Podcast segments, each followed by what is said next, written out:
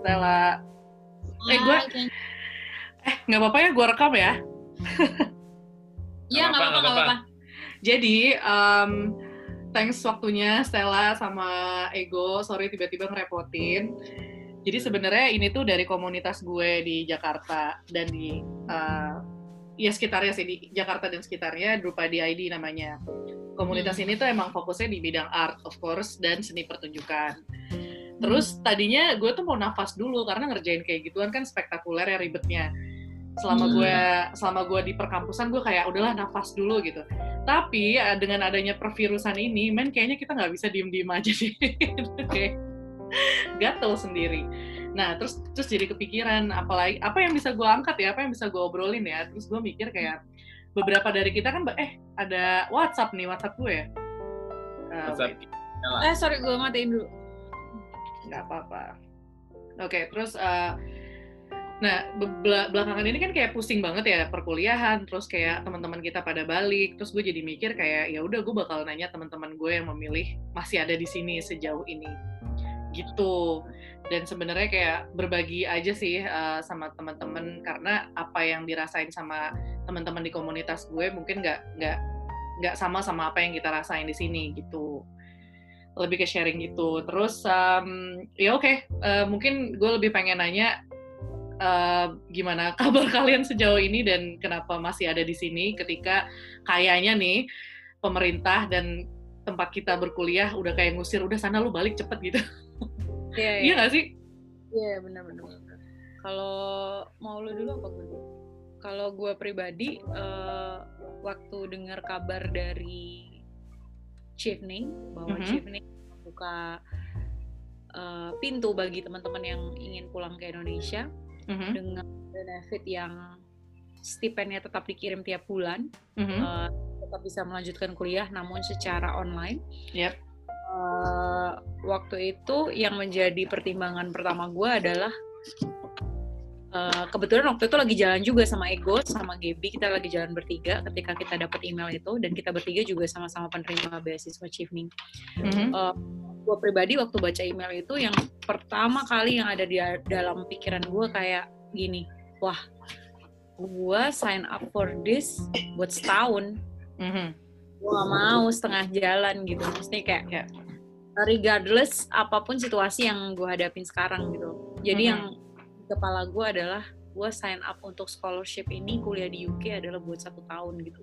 Mm -hmm. jadi sayang banget kalau cuma enam bulan gue pulang gitu. Dan yang kedua uh, pengalaman setahun di luar sama enam bulan di luar itu menurut gue sangat berbeda. Kayak ketika lu ngobrol sama orang lu pernah gak sih tinggal di luar?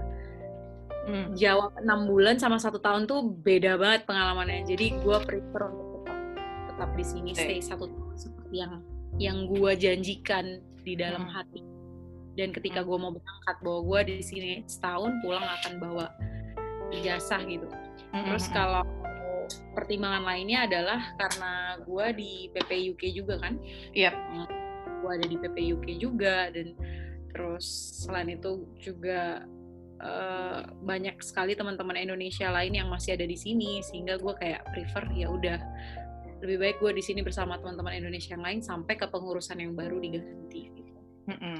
Nah, itu Dan itu berarti masih September kan? Iya, pengurusan baru. Mm-hmm. Kalau lo gue kenapa gue? Kalau gue sih lebih karena bidang studi gue ya, yang mm-hmm. gue rasa nggak bisa kalau gue bawa ke Indo dan gue kerjain dari sana uh, satu di gue nggak gue nggak yakin buku-buku yang gue pelajarin ada di Indo mm-hmm. Karena di sini pun susah carinya mm-hmm. um, dan dengan kondisi corona seperti ini gue rasa pun gue mampu untuk beli bukunya itu bakal susah untuk shipping dan lain-lain gitu gue rasa udah udah mulai terganggu mm-hmm. uh, dan kemarin ketika dapat tawaran untuk pulang gue rasa itu bukan pilihan sih untuk mm -hmm. gue pulang karena uh, kebanyakan kebanyakan yang ditawarkan adalah one way ticket untuk pulang mm -hmm. itu tidak ditawarkan untuk kembali buat balik ke sini iya iya setuju itu eh, bahasanya yang gua tangkep adalah nih lu gua beliin tiket lu pulang biar lu diurus sama negara lu Iya. betul. Betul, betul, betul. Eh, Iya, mereka bilang kayak kita bakal tetap kirim uang bulanannya buat kalian kerjain itu di Indonesia cuma kayak eh, nggak sama aja dan Hmm. dan kayak nggak nggak apa ya pengen sih pengen pulang pengen banget situasi iya Mm-mm. pengen banget buat ada sama keluarga Mm-mm. mau mau virusnya se pandemik apa pun itu Mm-mm. sama keluarga kan lebih nyaman gitu ya Iya, betul. Eh, tapi juga di sini banyak teman-teman sih jadi kayak Hmm. untungnya nggak berasa sendiri juga. Iya. Eh, iya, karena buat buat buat gua sama Stella sih pulang kemarin tawaran buat pulang tuh kayak bukan pilihan sih. bukan pilihan Iya, setuju sih gue, karena gue juga masih di sini kan. Gue pikir kayak gimana pun juga kita masih di bawah naungan kampus dengan tugas-tugas dan exam dan segala macem kan. Kita perlu, eh, suara gue robot. Nggak ya? Enggak, Eh, Iya, kita perlu konsentrasi dan akses juga di sini jadi lebih mudah karena eh, library semua online kan sekarang. Nah, eh, oh ini, oh ya, gue lupa ngasih tahu. Stella nih ngambil MA Political Communication, right? Dan. Ego itu ngambil MA Black British Writing. Ini luar biasa sih jurusannya tiba-tiba Black British. Nah, iya kayak nggak akan ada di Indonesia. Jadi lo emang harus stay, enggak deh.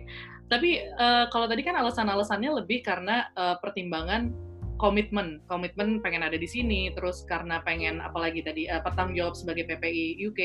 Ada nggak sih pertimbangan karena ngelihat apa yang terjadi di negara kita sendiri? You know what I mean?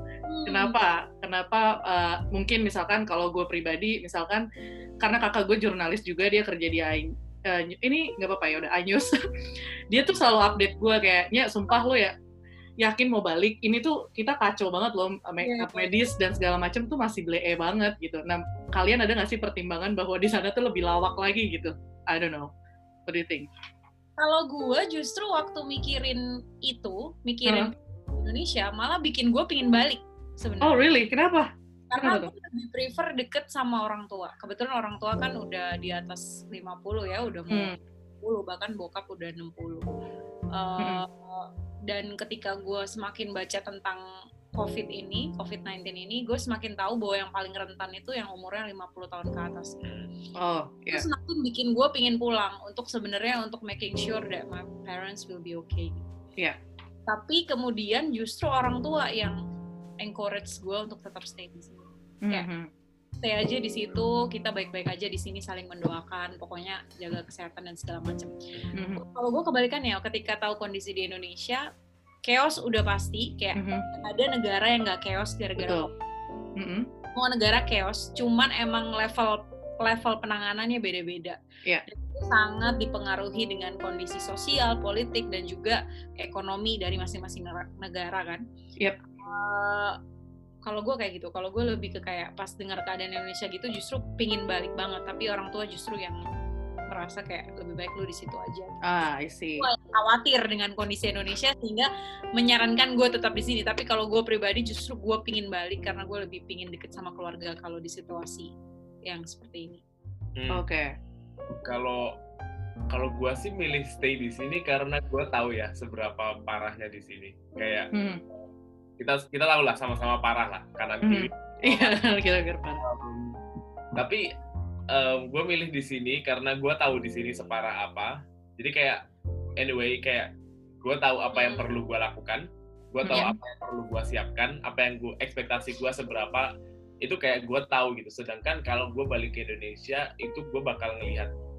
Katakanlah gue baru pergi enam bulan ya, cuma COVID ini kan juga baru. Jadi kalau Iya. gue pasti gue melihat hal baru yang maksudnya kondisi baru yang beda sama COVID di sini gitu loh. Jadi kayak em, di sini pun juga beberapa penanganan medisnya lumayan gua pertanyakan ya. Ada Hmm. kasus yang anak-anak sampai udah udah tepar lah intinya udah tepar, udah nggak- tepar, nggak udah- keurus. udah nggak apa ya kayak udah nggak bisa gerak istrinya tapi juga nggak ditanganin karena itu belum katakanlah belum urgent ya, Iya. belum life threatening gitu. Dan itu menurut gua juga- itu juga kayak menurut gua parah buat penanganan medis di sini gitu loh. Belum lagi faktor-faktor lainnya ya Iya. seperti kita belum tahu pasti sistemnya seperti apa, ma- rumah sakit Betul. yang kalau mau mudah itu di private itu mahal banget kayak gitu. Iya, Jadi kayak well sama aja gitu. Sama aja. sama aja Kayak, chaosnya eh, di di di Indo mungkin mungkin satu hal yang gua notice itu parahnya adalah yang jadi pertimbangan gua untuk nggak pulang adalah orang-orang di lingkaran gua itu belum belum begitu sadar gitu pentingnya social distancing. Hmm. Jadi pengajian itu masih jalan. Hmm. kan masih jalan. Dan- Eh, Dan tadi tuh ka, ke, ka- sebelum ngobrol-ngobrol sama kayaknya tadi kita sempat ada rapat sama KBRI ya. Mm-mm. Eh, di situ ada ada ada menurut menurut gue perspektif yang bagus yang disampaikan sama eh, kepala bagian politik hukum KBRI Mm-mm. eh, Rialdo. Eh, dia bilang eh, teman-teman mahasiswa di stay di sini tuh nggak apa-apa. Justru teman-teman mahasiswa itu harus tetap making sure kalau kalian sehat. Karena jangan sampai kalau kalian balik ke Indo, justru kalian salah satu yang jadi carrier. Pembawa. Mhm. carrier-nya gitu. Jadi Indonesia sekarang lagi taking care citizen-nya, terus kita datang as as in also citizen tapi dari negara lain, terus kita justru nambahin beban COVID-nya itu loh. Hmm. Karena kan Iya. Untuk umuran kita kan memang untuk mendeteksi COVID kan nggak mudah ya, karena simptomnya nggak terlalu kelihatan, paling pusing apa segala macam, tapi rumah sakit nggak nerima kita gitu, Hmm. sehingga kita pulang. Bahkan COVID ini kan di orang sehat aja dia masih masih bisa ada di badan orang sehat gitu. Jadi yang dikhawatirkan justru kalau kita pulang bukan karena kita pingin aman nyaman bersama keluarga, kita malah jadi sumber masalahnya gitu. Iya. Jadi better semuanya udah ketemu dulu problemnya di mana penanganan secara globalnya udah ketemu jalurnya baru setelah itu bisa ditentukan gimana pulang dan segala macam.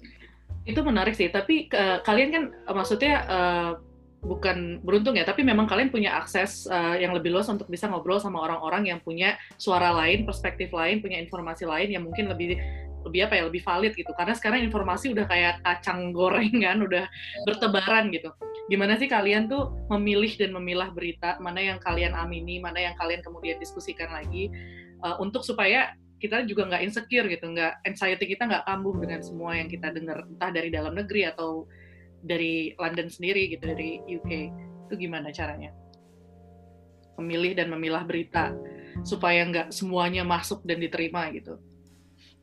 Kalau gue lebih ke kayak cross reference sih. Jadi kalau Hmm. Akan ada satu berita yang headline-nya lumayan cetar istilahnya, kayak apa sih kemarin yang Hmm. baru-baru ini Ada nggak yang lo inget? ditemukan obat gitu. Hahaha. Kemarin nama obatnya lupa. Obatnya iya ada yang eh, pokoknya obat yang udah udah diuji udah bla bla bla udah dites seperti itu kan. Nah, Hmm. itu, eh, gua waktu itu caranya adalah gua coba cari sumber berita yang lain. Kebetulan waktu itu gua nggak nemu Heeh. satu itu doang video. Hmm. presiden Iya iya maksudnya iya presiden gitu. Tapi balik lagi karena emang ada ada beberapa missing point iya dari misalignment-nya medianya. juga. Jadi kayak presiden ngomong apa, headline bilang gimana? apa gitu. Jadi kayak kayak yang sebenarnya apa ya nggak simpel juga karena harus cermat juga ya. Hmm. Em, melihat itu Hmm. dan apa ya eh, bener sih yang dibilang ego yang kemarin baru-baru ini ketika presiden bilang kita udah mesen sekitar 2 juta obat ke Indonesia kalau nggak salah ya ada satu heeh. di Jepang gitu Hmm. obat yang sudah diuji dan untuk eh, para penderita COVID gitu. Kemudian kita diskusi lagi nih sama teman-teman kita sendiri yang dokter gitu. Kita kayak ngobrol-ngobrol, ini beneran obat. Kalau obat kenapa negara kita duluan? I mean like US, Inggris, Eropa punya masalah yang sama dan lebih gede, tapi mereka belum pernah klaim bahwa mereka punya obat gitu. hmm. Terus kayak apakah virus ini bisa diobatin? Karena se- sejauh pemahaman yang gue baca virus itu tidak diobatin tapi dilawan dengan anti Imun. imun, Imun, ya ya. di dalam tubuh kita kan. Eh, kecuali vaksin, vaksin untuk menangkal virus itu masuk ke dalam tubuh kita. Tubuh. Itu kan tapi vaksin itu kan balik lagi ke antibodi kita kan. Mm-mm. Kita ngobrol sama beberapa teman dokter di, di kalangan di circle gua sama Ego ya mereka juga bilang ini agak misleading sih headline-headline media di Indonesia gitu. Betul, ya. Jadi eh, sebenarnya kendala informasi itu menjadi kendala utama juga dalam uh, permasalahan COVID ini. Kalau kita compare, misalnya untuk sekarang bicara di uh, UK sama Indonesia, itu agak secara mungkin edukasi masyarakatnya juga beda, tapi ya nggak jauh-jauh beda juga reaksinya ya. Maksudnya di sini mm -hmm. juga panik buying, panik buying, terus di Indonesia juga gitu. Tapi at least di sini pemerintah uh, perdana menterinya langsung turun setiap hari untuk memberikan press briefing. Oh, hari ini kayak gini, besok kita kayak gini. Jadi per hari update-nya kayak besok kita akan gini-gini, besok kita gini-gini. Jadi setiap hari itu perdana menterinya langsung turun untuk ngupdatein ke masyarakat UK gitu. Iya. Sementara yeah. di Indonesia terlalu banyak yang ngomong menurut gua, Menkes ngomong, Menq ngomong, presiden ngomong sehingga orang tuh jadi kayak ini yang mana nih yang harus yeah. kita Mendengarkan. udah udah mereka semua ngomong uh, yang wawancara juga medianya kelompoknya beda-beda. Yang wawancara Menkyu orangnya beda yang wawancara presiden orangnya beda interpretasinya juga beda kan akhirnya. Nah itu kadang-kadang yang menurut uh, tapi sekarang kayaknya udah diperbaikin sih. Akhirnya kan yang ngomong benar-benar kalau nggak salah Pak Yudi dari Kemenkes kan benar-benar yeah. awal-awal tuh sebenarnya informasi tuh jadi jadi chaos banget karena dampaknya terasa banget kan kita iya dan setelah WHO ya WHO ngirim surat juga kan ke kita yeah. Iya. masa ke Indonesia ngingetin bahwa men ini serius loh itu, itu baru ada sebuah uh, website ada terus kayak ya teguran itu akhirnya berfungsi juga sih. Iya iya benar benar. Terus tentang panik buying gitu eh, panik apa namanya? Panik buying gue lupa. Ya, panik buying. Pengen buying. Itu gue kadang-kadang suka ngakak deh. Ini kan toilet paper ya aduh ada yang namanya cebok ya saudara-saudara kayak kalau udah kepepet banget cebok aja gitu. Itu bener-bener kosong. Gue nggak tahu di daerah kalian kalian tapi gue kayak lima supermarket terdekat udah nggak ada apa-apa. Bahkan tiap cuman jam 7 jam 8 abis itu kelar. Nah ya, itu kalian juga ngalamin. Terus ya, ya. atau misalkan ada nggak sih hal-hal lucu yang kalian temui di London ini ketika bukan bencana ya ketika si krisis ini terjadi gitu yang kalian nggak nggak menduga bahwa gila ya ternyata di sini tuh bisa juga kayak gitu. Kalau gue sih emes gitu sih kayak men kita tuh ada namanya bidet, ada gayung, ada shower. Ya, iya, iya. Ada nggak hal-hal lucu yang kalian um, temui gitu? Atau bukan lucu sih apa ya menarik gitu kayak? Oh, tapi ini agak tapi jangan gue yang cerita. Kalau gue yang cerita jadi salah karena gue bukan muslim. muslim apa tuh? Waktu itu kan uh, kayak bukan lucu sih sebenarnya, cuman kayak gue ngerasa Menarik sama agak berbeda dengan orang-orang Indo karena mungkin beda ya. Iya. Kalau tapi sekarang udah kayaknya hampir sama deh.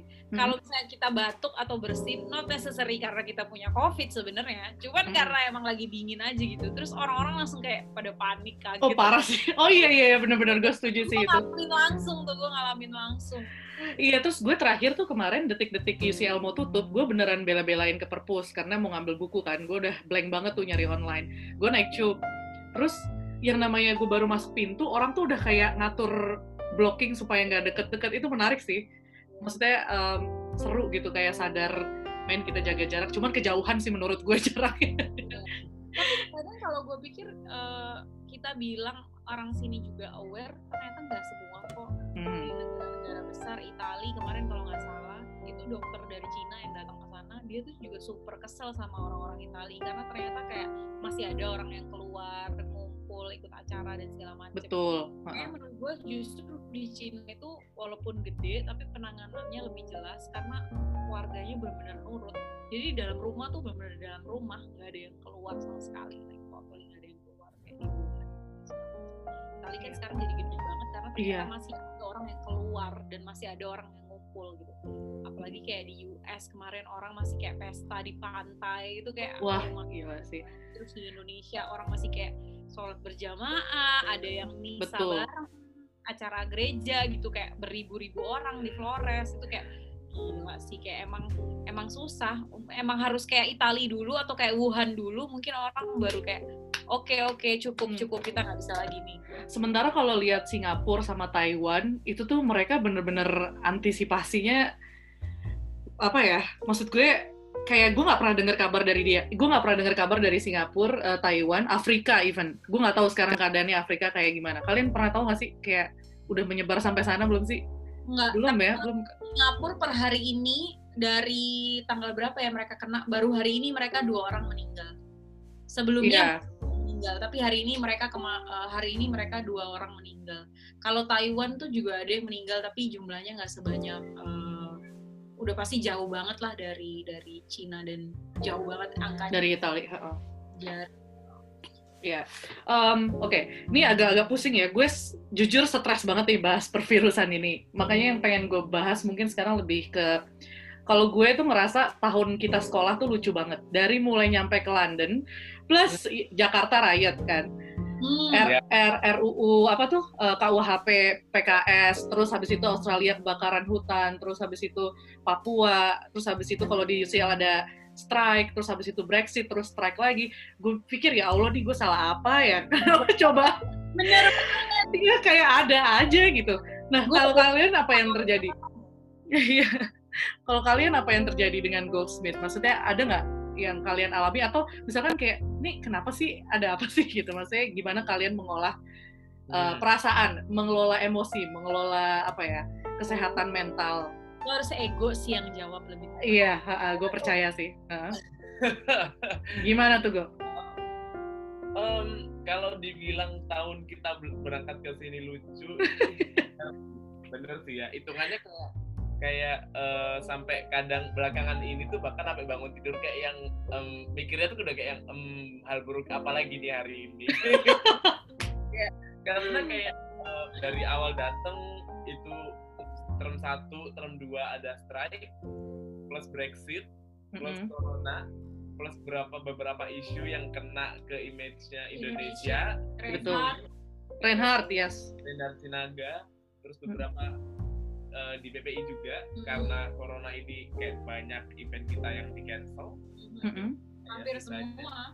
Terus um, kita juga kan baru bikin PPI Gold, eh sorry, um, Indosok. Indo, Goldsmiths. Iya benar baru banget tuh. Huh? Baru banget Desember kita bikin agenda baru satu yang dijalanin. Oh ya, iya. Sisanya yeah. semua gitu. Jadi kayak belum lagi studi gue yang kayak gue bilang tadi nggak bisa dibawa ke mana-mana. Mm -hmm. Dan itu benar-benar berat di, maksudnya benar-benar menekankan di seni pertunjukan juga di uh, naskah drama, pementasan. Jadi kayak karena corona ini semua ditutup gitu loh. Mm-hmm. Jadi untuk melihat visual kayak estetika visual itu udah hilang gitu loh karena kayak gitu kan dan mengelola rasa ya. Iya mengelola emosi lo tuh gimana sih biar lo tetap sane gitu stay sane tuh gimana? Um, gue masih olahraga sih yang jelas. Kalau gue bener-bener gak ngebiarin badan gue diem uh, itu mau terserah mau mau jalan mau lari mau apa kayak terserah. Pokoknya badan tuh harus gerak nggak boleh tidur di kasur 24 jam. Iya itu stres ha? Terus um, diusahain usahain banget buat pegang buku. Walaupun enggak. Baca baca buku paling enggak ya 10 halaman per hari boleh lah. Mm -hmm. kalau Stella ngapain? Supaya uh, menjaga kesehatan mental.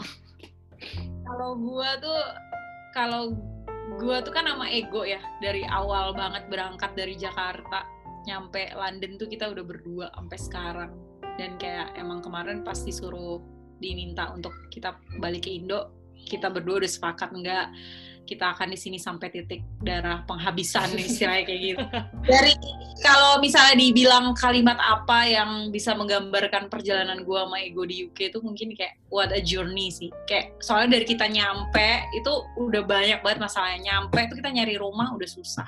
Betul. Nyari nyari nyari rumah yang landlordnya cocok dan segala macam itu udah susah. Kita itu itu nggak patut dicontoh ya buat abroad tapi nggak nyari rumah dulu, nyampe yeah. dulu di London baru cari rumah itu kayak Terus kalian tinggal di mana? Gue dua minggu loh, gue di hostel. Kalian hidup di mana? Sempet di guest house gitu di di oh. kayak kayak apa namanya bang bed gitu loh karena hmm. kayak ada komunikasi sama temen yang seharusnya nampung kita jadi hmm. uh, dari kita nggak masuk akhirnya kita kayak malam baru nyampe seharian nyari rumah. Untungnya hari itu dapet tapi malam itu kan nggak bisa langsung dimasukin ya rumahnya. Hmm. uh, kita sempat stranded di bang bed yang kebetulan lima menit dari lokasi tempat teman kita tinggal gitu.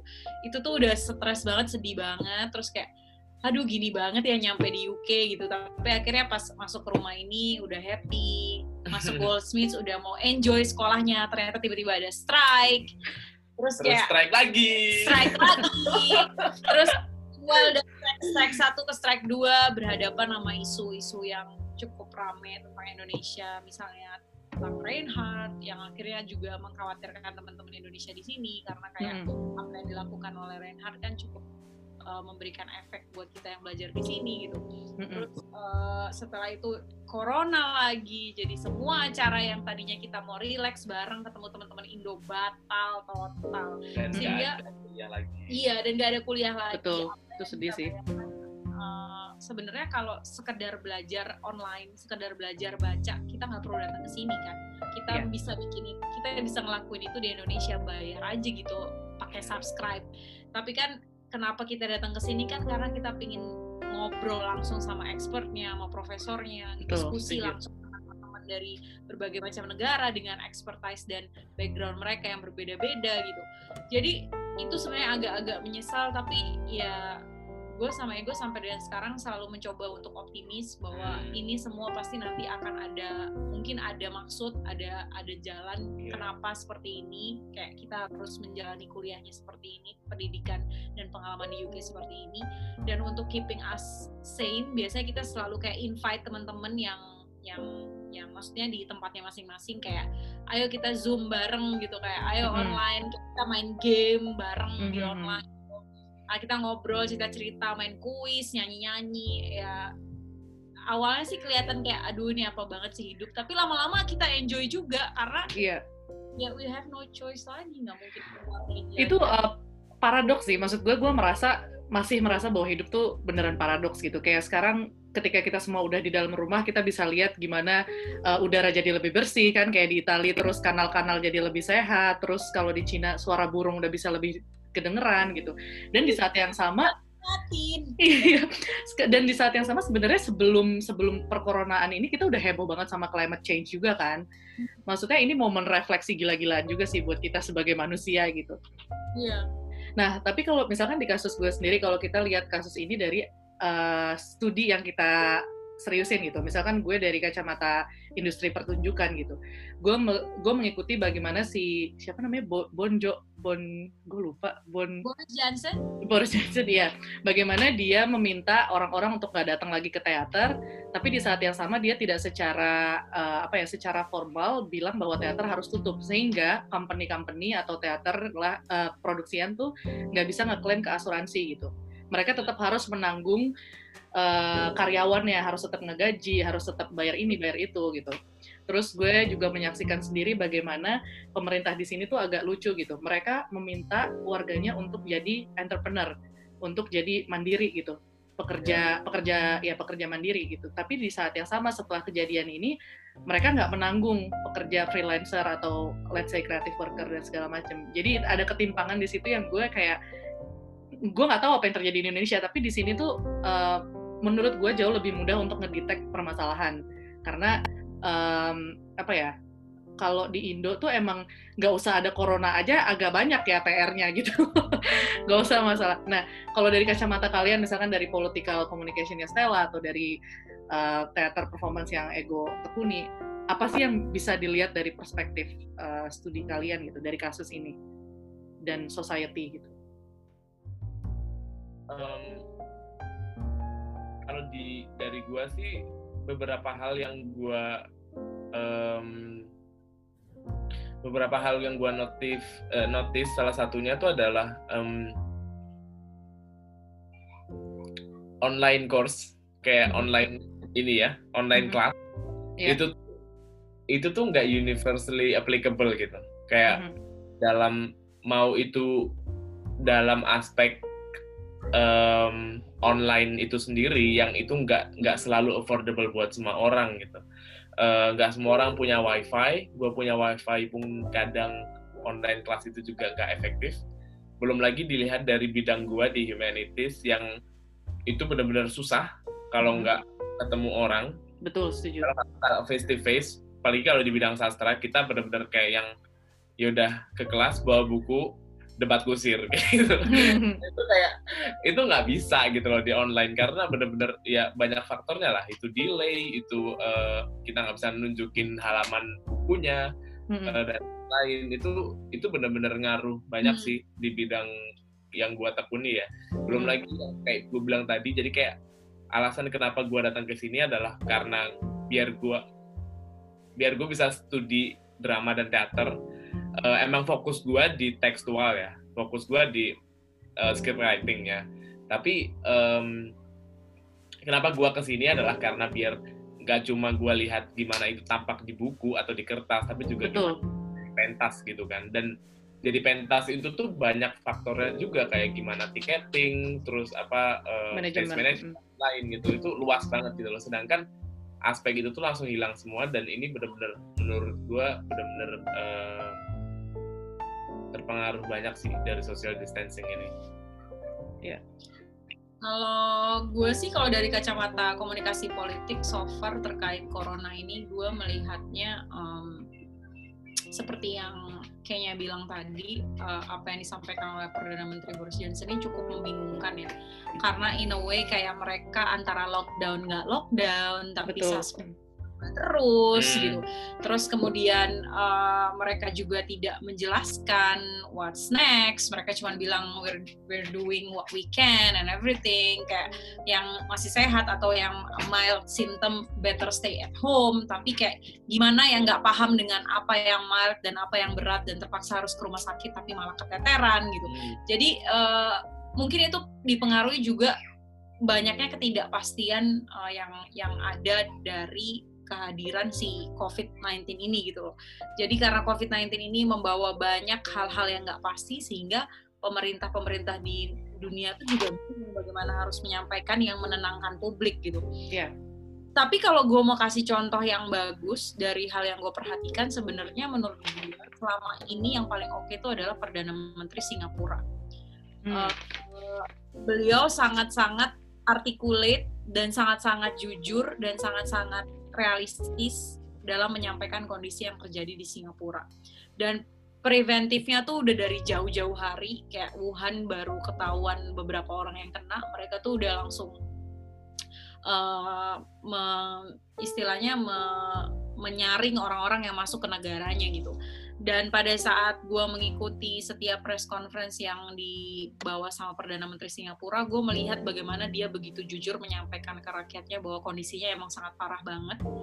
Dan di Singapura dia jelasin bahwa rumah sakit ada segini, yang sudah kena COVID segini, uh, yang bisa kita lakukan adalah kita terpaksa harus meminta kalian misalnya untuk tidak kumpul dulu, tidak keluar dan segala macam.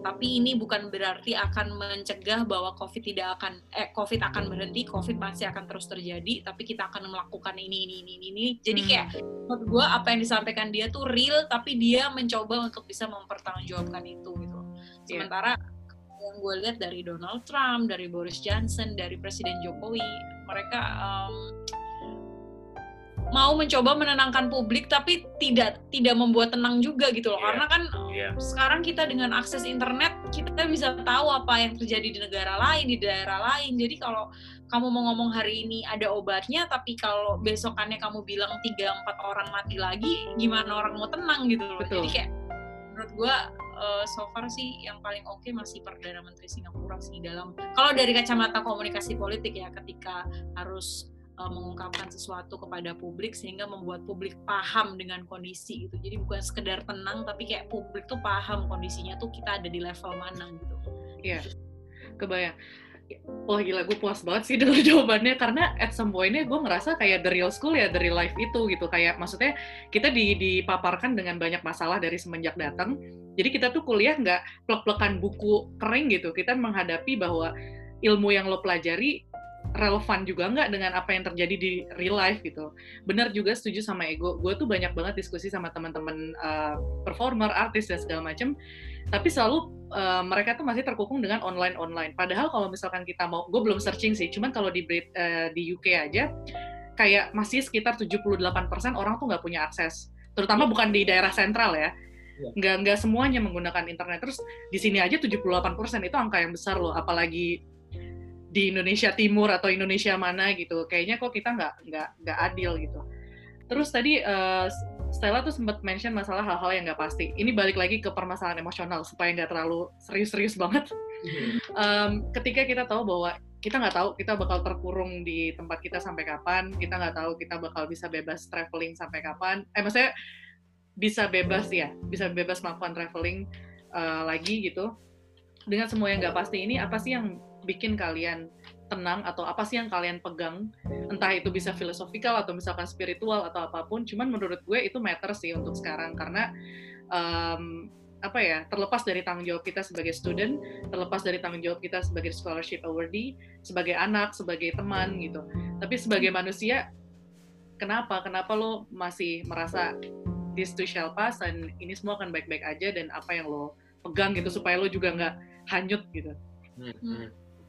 Well, kalau gue sih dari dari dulu, dari gue kecil juga, uh, eh, gue selalu dibiasakan, gue selalu membiasakan diri untuk uh, apa ya, uh, bersentuhan dengan ketidaknyamanan gitu. Itu itu hal yang gue dari dulu gue selalu ini uh, tanemin dalam-dalam ya. Kayak ada beberapa hal yang kita tuh benar-benar nyaman uh, tapi dari pengalaman gua most of the time ketidaknyamanan itu tuh karena belum biasa aja gitu loh jadi ya. kayak antara ini tuh uh, perlu untuk dibiasakan atau tidak apa ya alasan-alasan di balik itu tuh yang jadi pertimbangan gitu loh antara apakah kita perlu jadi nyaman sama ketidaknyamanan ini atau enggak gitu loh. Jadi terbiasa atau enggak itu kayak tergantung dari alasan di baliknya gitu loh dari dari hari pertama gue datang di sini semuanya tuh nggak nyaman. Kayak dari nggak tahu ya nggak tahu ada apa dengan London tapi London yang gue tahu dari sebelum gue menginjakan kaki di sini itu benar-benar gak seperti London yang gue lihat langsung gitu loh. Dan itu banyak aspek yang itu benar-benar ketidaknyamanan banget di hidup gue mulai dari makanan dari transportasi cuaca orang-orang yang budaya kayak hampir semuanya tuh benar-benar terbalik dan itu yang gue pelajarin dari awal untuk belajar untuk nyaman untuk untuk terbiasa sama ketidaknyamanan ini gitu loh. Dan uh, gue kira ya kemarin waktu sebelum outbreak covid itu gue merasa kayak gue udah lumayan terbiasa nih dengan tidak nyamannya gue di London gitu. Gue udah mulai udah mulai mengerti nih kenapa ini tidak nyaman gitu. Gue udah mulai terbiasa. Lalu keluar covid yang itu ini tuh memaksa banget untuk terbiasa sama hal-hal yang tidak nyaman yang sampai ke hal yang sangat kecil banget kayak jangan pegang-pegang muka, jangan pegang-pegang hmm. rambut gitu atau jangan uh, salaman sama orang, nggak boleh yeah. handphone, nggak boleh pelukan kayak gitu. Itu kayak yang mikir balik lagi gitu. Kenapa kita ngelakuin ini gitu? Kenapa kita nggak boleh pegang muka kita sendiri gitu? Hmm. Kenapa kita harus langsung cuci baju baru sekali pakai gitu? Sedangkan celana jeans gua itu ada yang dua tahun gak gua cuci. Kayak yang fine fine aja gitu. Jadi kayak uh, gua selalu melihat lah kalau misalkan emang gua harus menyesuaikan diri dengan ketidaknyamanan ada nggak alasan dibalik itu gitu. Dan gua rasa ini pertama kalinya dalam hidup gua gua tahu di mana uh, bukan gua tahu gua mengalami sendiri di mana satu-satunya cara buat menyelamatkan orang itu adalah leave them alone gitu Oh wow, that's nice. Ya yeah, ya. Yeah. Yeah. Insting kita kalau ada orang jatuh dari motor gitu, uh, katakanlah ada satu orang medik yang datang buat nanganin, semua orang pasti kelilingin gitu loh. Karena yeah, itu udah pasti. insting kita buat mendekat ke orang yang terluka atau sedang dalam bahaya gitu loh. Sedangkan di sini kita benar-benar diajarkan kalau mau nggak mau, well, lu bukan tenaga medis, lu nggak tahu, dan nggak cuma lu nggak bakal berguna ketika lu mendekat tapi ketika lu mendekat lu membawa lebih bahaya gitu loh jadi ini iya. pertama yeah. kali yang apa ya dekonstruksi yeah, insting kita gitu aja sih Iya, setuju sih. Kayak waktu pernah pengalaman naik cup juga, ya namanya orang pasti ada masalah kan ya dalam hidupnya. Misalkan dia tiba-tiba nangis atau apa, di sini tuh nggak ada rasa kepo atau berusaha pengen menenangkan. Ya emang dia pengen iya. nangis aja bro gitu. Terus jadi kayak gue ngerasa ini hal baru dan hal yang kadang-kadang memang bisa jadi yang dibutuhin orang itu cuma nangis dan nangis bukan berarti harus dibantu gitu. Mungkin itu bisa melegakan dia atau segala macam terus terus? Kalau gue ngelihatnya kayak so pretty much sama sih kayak ego. Kayak it's like London keep pushing our boundaries like oke okay, not enough waktu itu.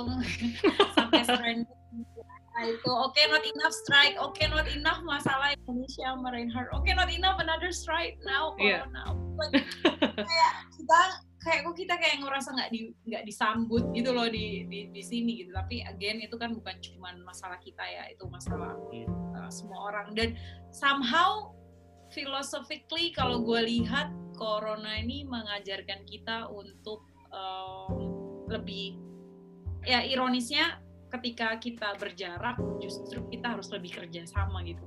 Padahal Oh iya. kayak kayak kita tuh nggak terbiasa dengan dengan self distancing kan. Kayak kita Mhm. selalu uh, uh, bareng dan segala macam. Physically. Yang yang superficial kayak gitu loh. Tapi di hal-hal kayak gini kita baru sadar kayak kayak menurut gua kalau kalau dalam uh, introspeksi diri gua sendiri ketika corona ini terjadi kita baru sadar betapa berharganya quality time sama orang-orang yang yang yang yang yang sayang sama kita orang-orang yang kita care gitu. Terus betapa berharganya ketika kita benar-benar bisa eh, pelukan dan juga salaman ngobrol seru sama orang-orang tanpa lihat HP tanpa you know juga gitu. Dan Hmm. akhirnya it's like dunia tuh kayak kayak oh lu maunya kayak gini nih kayak dengan teknologi lu dan segala macam. Oke there you go. Tapi lu nggak boleh deket ya karena ada virus gitu. Jadi kayak kayak dunia tuh menjawab apa yang selama ini dilakukan manusia sekaligus memberikan pelajaran. So Hmm. if this is what you want this is what gonna happen supaya lu tahu bahwa ada hal yang lu hilang kalau misalnya lu terlalu fokus sama hal yang yang ini. Iya, setuju. Dulu kan, ya setuju sih. Gue dulu tuh belajarnya desain kan. Terus di desain tuh gue dikenalin, diingetin banget bahwa semuanya tuh tentang pattern. Walaupun kayaknya berantakan, tapi sebenarnya ada patternnya gitu. Dan gue baru lahir tahun 90-an kan. Gue rasa apakah ini pattern 10 tahunan gitu. Karena 98 dulu kan krisis gila-gilaan. Terus habis itu 2007 apa 2008 tuh resesi Eropa. Terus sekarang 10 tahun kemudian terjadi kayak gini. Nggak 10 sih, maksudnya kayak mungkin lebih. Cuma gue pikir kayak, ya mungkin ini pattern yang terjadi siap-siapnya 10 tahun lagi berarti 30 sekian kita menghadapi yang lain. Oke, em, mungkin terakhir nih, eh, ini bakal didengerin sama teman, semoga didengerin sama teman-teman gue yang di komunitas dan ada di Indonesia.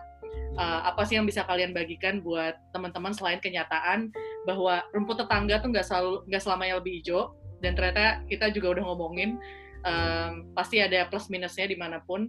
Cuman kalau kalian mau berbagi atau ngingetin teman-teman yang ada di Indonesia dengan keadaan yang mereka belum sesibuk apa ya belum seintens kita karena kita belum disuruh lockdown aja udah lockdown dari seminggu yang lalu gitu apa yang bisa kalian share gitu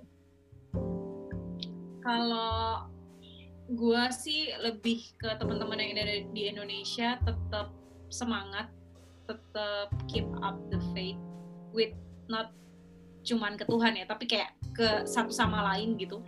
Tetap saling ngingetin, saling meningkatkan awareness satu sama lain bahwa ini masalah serius yang nggak akan bisa kalau gua sendirian yang nyelesain. Kayak kita harus bareng-bareng harus punya pemahaman kayak bahwa kalau lu sakit, kalau lu keluar yang sedih, yang mati bukan lu doang, semua orang bisa mati gara-gara lu gitu. Hmm. Jadi kayak harus punya awareness kayak gitu dengan eh, situasi sekarang yang terjadi dengan COVID-19 gitu. Semua orang harus harus punya kebersamaan seperti itu. Oh iya, gue lagi sakit, better gue stay at home karena kalau gue keluar nanti orang lain kena sakit, semuanya juga menular, menular, menular dan segala macem gitu.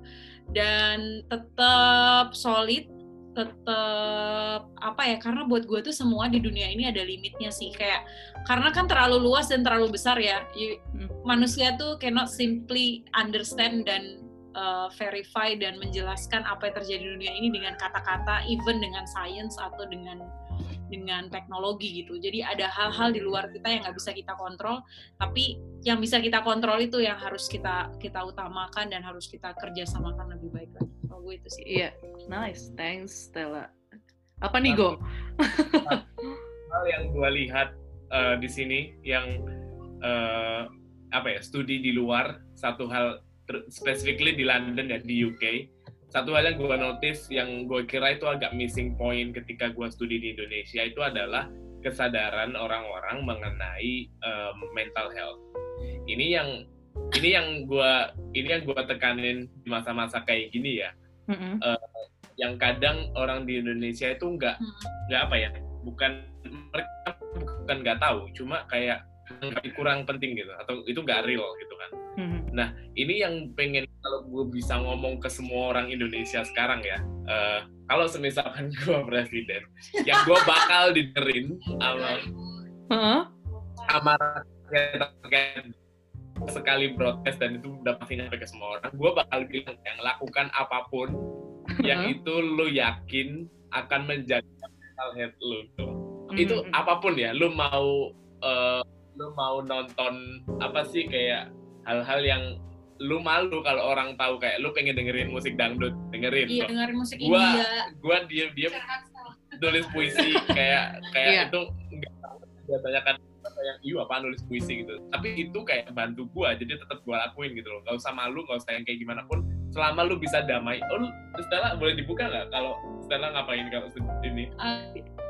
Sering nonton India sama Eh. Korea tuh kayak orang-orang nggak tahu banget kalau gue Iya. tuh doyan dua hal itu kayak Mm. karena gue nggak pernah menunjukkan itu tapi somehow ya, Iya, just do it gitu loh. Selama Iya. itu bikin lu happy Dan uh, nggak menyulitkan lain orang lain kan? Iya betul. gitu. Kayak Ah, nulis setuju. puisi, Iya setuju setuju. ngomong ngomong sendiri, baca, gue ngelakuin itu all the time. Jadi kayak apa pun gitu loh. Selama itu tuh menjaga kesehatan mental lu, selama itu tuh lu nggak merasa depresi, nggak usah malu. Itu guilty pleasure juga nggak apa-apa.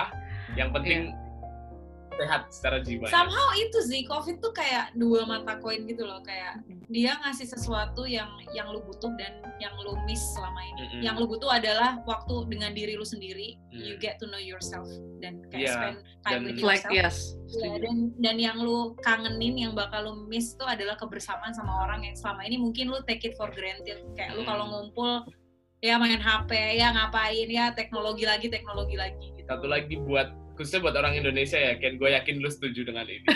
Apa tuh? satu lagi pentingnya soal kesehatan jiwa ya karena gua rasa Indonesia hari ini tuh sudah bangun raganya tapi belum jiwanya Uh mantap, gue setuju itu. My love, my love, my love. Iya iya, setuju setuju banget. itu kayak Hmm. Terus kayak apa namanya? Oh, gue karena lo juga anak teater kan, gue setuju banget. Sekarang kan di Indonesia juga ada tuh uh, beberapa influencer yang tetap tampil dress up walaupun di rumah, tetap Hmm. dandan. Terus gue bilang itulah the power of costume. Kita ini semua panggung sandiwara, bro. Kita semua tuh take a role. Jadi kayak ketika ada orang uh, komennya adalah lo ngapain sih itu bukan bidang gue, gue nggak mau datang. Ah, men, lu tanpa sadar kita juga udah berteater setiap hari. iya iya iya Nah, apa yang dilihat di panggung itu cuma sebagian kecil dan itu yang diperindah gitu. Aslinya mah panggung aslinya mah kita gitu. Uh, uh, uh. Iya. Oke, terus PPI UK, PPI eh sampai UK uh, masih akan berkegiatan, masih banyak diskusi yang harus dilakukan atau apa nih agenda dalam waktu dekat? Eh, malam ini kita akan ada Women Network Eh, di situ kita Oh, gue lihat iklannya. ha. Iya, kita akan bicara tentang bias terhadap perempuan yang selama ini terjadi tidak hanya personally tapi juga professionally. Yep. Eh, ini acaranya teman-teman dari eksternal PPI UK yang bikin uh, Gaby eh, sama teman-teman akan siaran di RRI bukan? Bukan ya? Di mana sih siarannya? YouTube YouTube PPI Oh. Jadi oke. semuanya bisa diakses secara online streaming, tapi nanti juga bisa ditonton siaran ulangnya karena pasti akan tetap ditaruh di YouTube PPI UK. Sementara untuk acara-acara yang lain otomatis batal karena corona. Itu yang udah for sure batal sampai bulan Juni. Yang sampai bulan Juni itu semuanya batal. Karena let's say misalnya corona getting better di bulan Mei, itu pasti akan masih ada mitigasi sama pasien-pasien yang Betul. Dan belum cukup dan waktunya belum buat siap-siap waktu untuk kita get back to normal tuh Rushing mungkin banget most likely Juli atau Agustus kalau misalnya sesuai target Juni emang udah getting better gitu terus eh, acara-acara PUK batal kita lagi berpikir gimana caranya bikin something online yang akhirnya bisa menghibur teman-teman yang ada di sini eh, dengan mereka misalnya spend time sambil ngerjain tugas mereka bisa interaksi secara online. Untungnya ada Zoom yang kita pakai juga kan eh, setiap saat Gue gue ada ide. Nih kalau masalah receh-receh kan orang Indonesia uh, apa bidangnya kan? Maksudnya emang emang dia specialty-nya di situ. Coba ada diskusi mem atau diskusi receh gitu jadi uh, bisa ketawa bareng gue mau ikut serta tuh iya iya ya. kita, lagi pikirin ada beberapa masukan kayak bikin game gitu bukan hmm. uh, bukan main game bareng gitu tapi ada kayak game misalnya kayak uh, Quiz, uh, apa -apa gitu. ngumpul semua nih kita rame-rame kan siapa yang join di Zoom gitu. Mm-hmm. Terus kita bikin kayak semacam penampilan kayak siapa yang nyanyi, siapa yang mau musik, siapa yang mau baca siapa yang gitu. Jadi kayak semua yang hadir juga ikut dengerin gitu. Walaupun semuanya sadly harus lewat online, tapi apa yang bisa kita lakukan sekarang kita lakuin dulu aja sambil uh, we wait things get better. Mm -hmm. Tapi lo tau gak sih kira-kira berapa yang balik ke Jakarta, berapa yang stay? Maksudnya uh, student Indonesia so far? Uh, sejauh ini yang ngomong ke gua sih udah lebih dari 10 orang ya yang yang yang yeah. mau balik. Cuman kayak jumlah precisely-nya berapa itu biasanya megang nanti KBRI karena mereka oh, yang punya uh, paspornya kan hmm. udah udah keluar dari UK apa enggak yeah. gitu. Iya gue setuju sih. Pokoknya kalau ada yang bisa gue bantu kabarin.